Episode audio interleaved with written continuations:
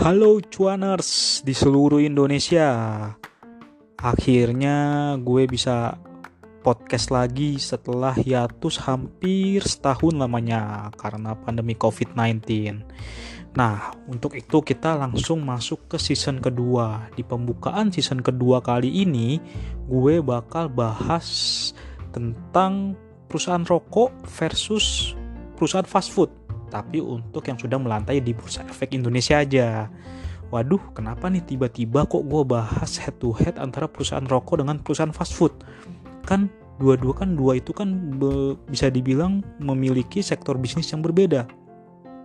Eits, mungkin bisa kita bilang berbeda dari sektor bisnis. Cuman, kedua perusahaan ini memberikan dampak negatif kepada lingkungan dan masyarakat atau manusia dari segi kesehatan.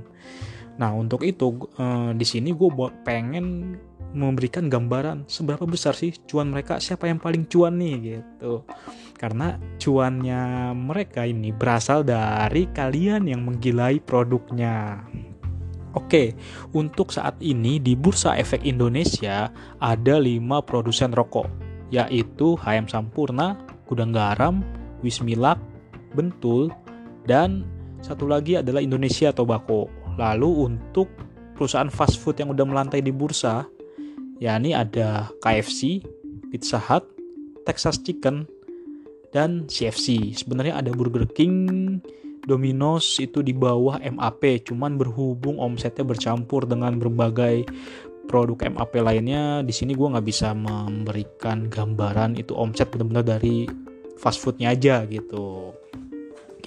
Nah, setelah dilihat nih uh, bagaimana nih cuan? Apa mungkin di sini nggak cuan ya. Gue ambil omsetnya. Bagaimana omsetnya kalau cuan tuh kecil sih udah kepotong ini itu gitu.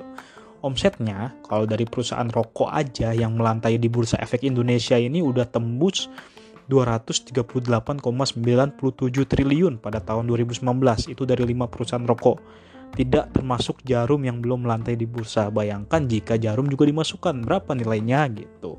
Nah, nilai 238,97 triliun ini bisa dibilang setengah dari anggaran pemindahan ibu kota Indonesia dari Jakarta ke Kalimantan. Itu sekitar 400-an triliun gitu. Lebih malah, lebih dari 50 persennya. Begitu. Dari mana sih eh, cuan apa atau omset perusahaan rokok ini? Nah, kita mengulik dengan melihat uh, laporan keuangannya ya. Di sini GGRM dan HMSP sebagai bisa dibilang market leader di BI untuk perusahaan rokok karena hmm, secara market cap paling besar dan kinerja juga paling besar gitu. Di sini GGRM dan HMSP itu memiliki omsetnya mayoritas berasal dari penjualan domestik penjualan ekspor tuh kecil banget. Jadi hmm, penjualan domestik tuh menguasai hampir 98% sampai 99% dari pendapatan GGRM dan HMMC, HMSP. Gila nggak? Dari mana uang itu? Dari kalian yang merokok gitu. iya. Nah, lalu hmm, untuk itu pemerintah sendiri pun ingin berupaya sebenarnya menekan laju konsumsi rokok dengan cukai. Cuman di sini juga banyak yang mengkritisi kenaikan cukai itu bisa dibilang selama ini Eh, nggak memengaruhi atau tidak bisa meredam kenaikan konsumsi rokok. Kenapa? Dinaikin tiap tahun, omsetnya si perusahaan rokok juga naik terus gitu. Kita bisa lihat bahkan kita bandingkan kalau misalkan kamu baca di artikelnya MrCuan.com, pertumbuhan hmm, om pendapatan dari HMSP dan GGRM tuh eksponensial sekali dibandingkan dengan pertumbuhan pendapatannya KFC dan Pizza Hut gitu. Nah, lalu kan ada yang bilang juga nih kalau perusahaan rokok itu punya kontribusi besar terhadap tenaga kerja dan petani tembakau. Yakin gitu. Kita lihat lagi nih. Jadi eh, di industri rokok tuh ada tiga jenis rokok. Pertama sigaret kretek tangan, sigaret eh, kretek mesin, dan sigaret putih mesin.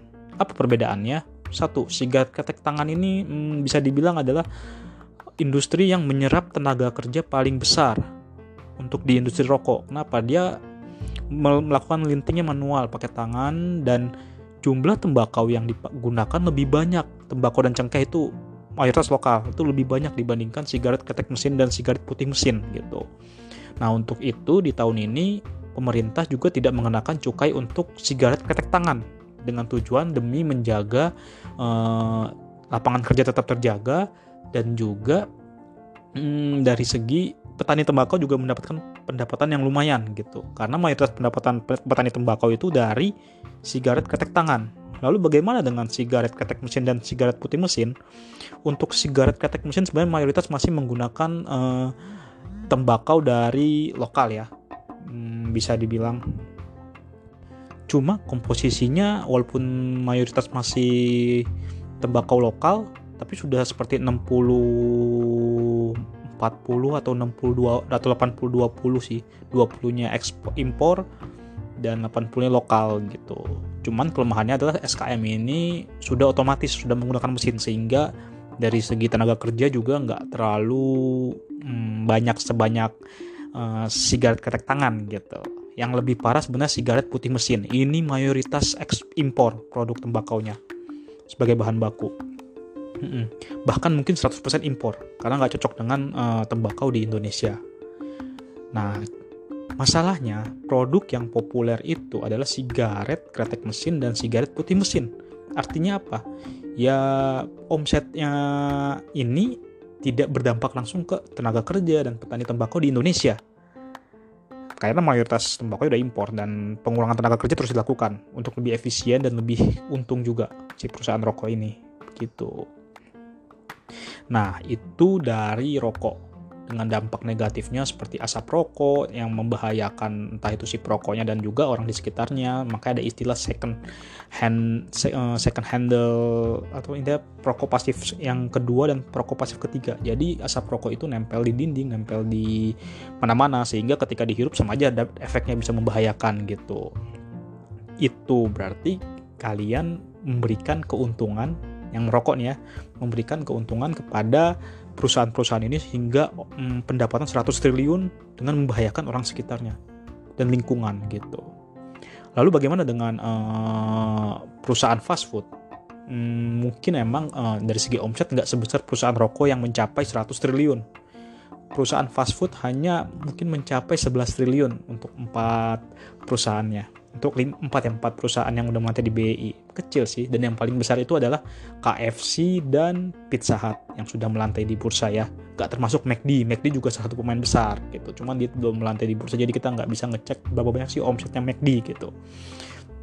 Dari 11 triliun itu hmm, bisa dibilang uh, tetap menggiurkan walaupun nggak nyampe 100 triliun. Kenapa? Karena si pemilik lisensi waralaba di Indonesia ini nggak perlu mikirin model bisnis dari nol. Mereka tinggal ya beli lisensi gue buka dan kalian pada beli semuanya sehingga dia cuan gitu.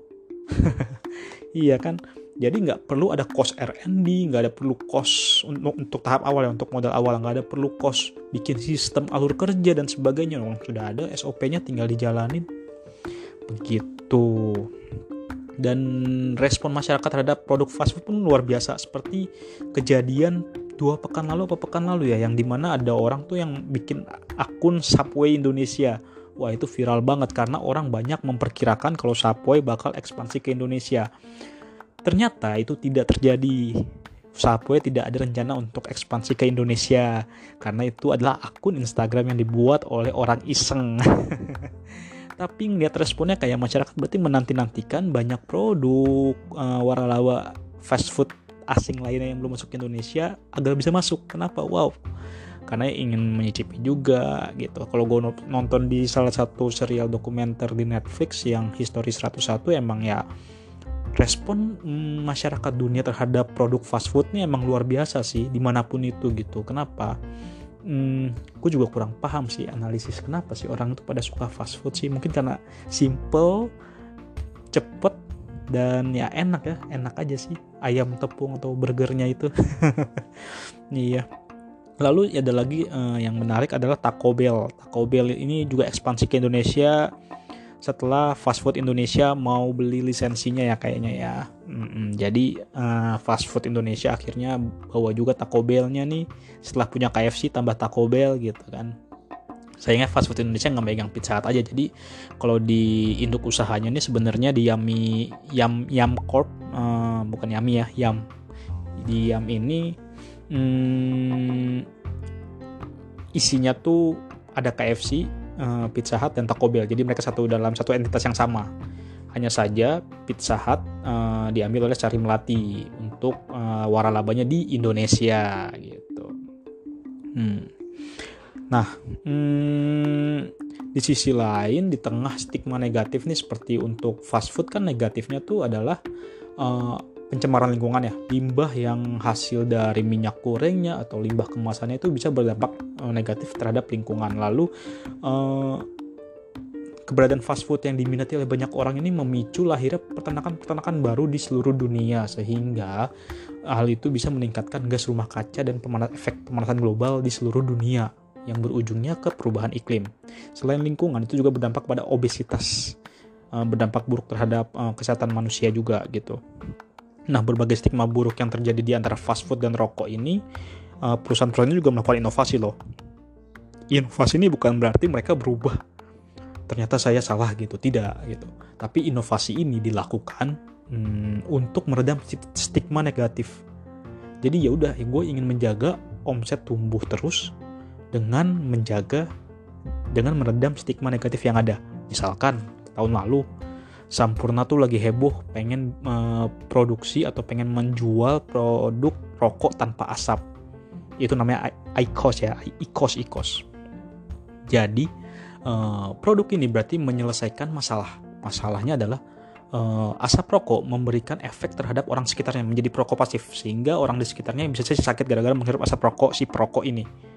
Nah, walaupun kita nggak tahu seberapa efektif si IQOS ini dan seberapa orang berminat beli IQOS ini untuk si perokok yang udah uh, nyandu banget gitu kan, kita nggak tahu.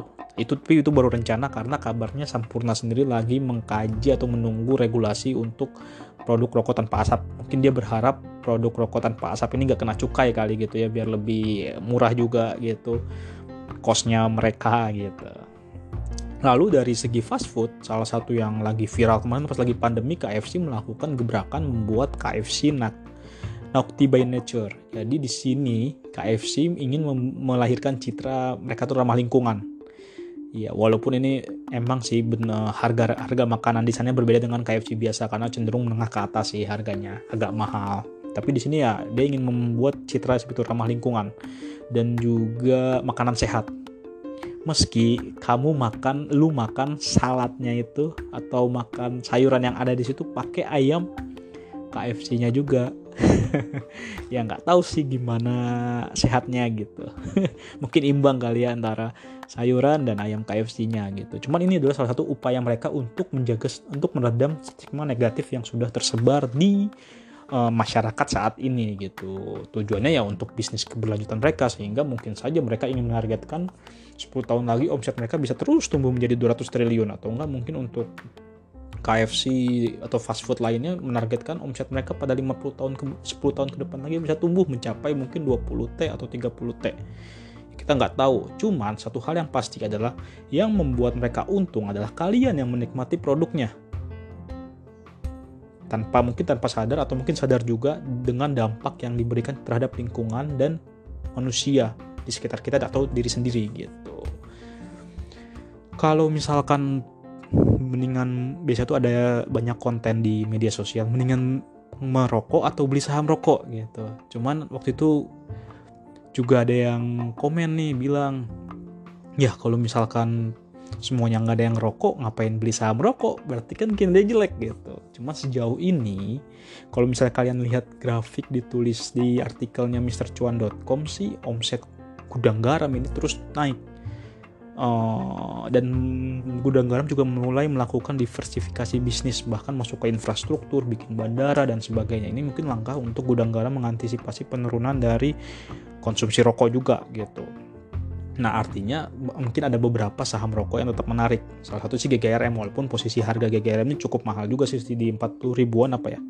Uh, eh, gue belum ngecek lagi sih harga GGRM lagi ngecek dulu live nih lagi depan laptop juga iya untuk sampai 11 Desember kemarin di angka 41.350 per saham. Artinya kalau mau beli minimal lu punya duit sekitar 4 juta 150 ribu lebih lah jadi 4 juta mm, dua eh, juta seratus empat puluh ribu lah untuk biaya fee sekuritas. Gitu. Lalu untuk misalkan uh, emiten atau saham fast food sendiri sih sejauh ini belum ada yang liquid banget ya. Bahkan saham fast sekalipun itu nggak terlalu sih uh, walaupun harga di seribuan tapi nggak terlalu liquid gitu. Entah kenapa kalau bisa lihat grafiknya tuh kebanyakan lurus kalau hariannya gitu. Kan itu artinya nggak ada transaksi jual beli yang sangat intens di situ. Walaupun memang brandnya terkenal banget. Itu nah di sini sih gue cuma menyampaikan aja bahwa uh, omset yang diraih oleh perusahaan rokok dan fast food itu berasal dari kalian. Nah, apakah kalian masih mm, ingin terus mendorong tumbuh kembang bisnisnya mereka? Ya konsumsi aja terus. Oke, sampai di sini dulu edisi Mr. Cuan episode pertama di season kedua.